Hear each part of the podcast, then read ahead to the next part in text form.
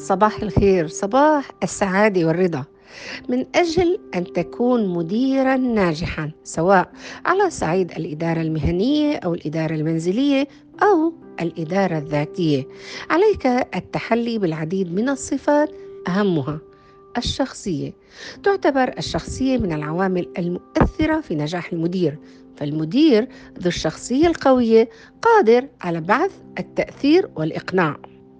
الصفات العقلية كالذكاء وقوة الذاكرة والحافظة وسرعة البديهة الصفات النفسية كالصبر والمثابرة والنشاط والاستقامة والحزم والصراحة والوضوح والروح المعنوية العالية. الصفات القيادية كالثقة بالنفس وقوة الإرادة والشعور بالقيادة والقدرة على التوجيه والسلوك المتزن أيضا. القدرة على التفكير لأن الإدارة بحاجة إلى تخطيط كي يطور المدير إدارته نحو الأفضل.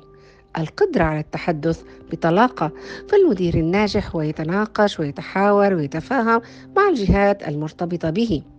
إتقان فن التعامل من المهم بناء جسور الثقة بين المدير والمرؤوسية وهذا يتطلب إتقان فن التعامل مع الآخرين.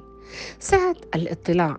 عليه أن يكون متعدد الرؤى والاهتمامات لأن ذلك يساعده على كسب ثقة واحترام الجميع. اتخاذ القرارات المناسبة في الوقت المناسب مما يجعل المدير محل ثقة واحترام الجميع.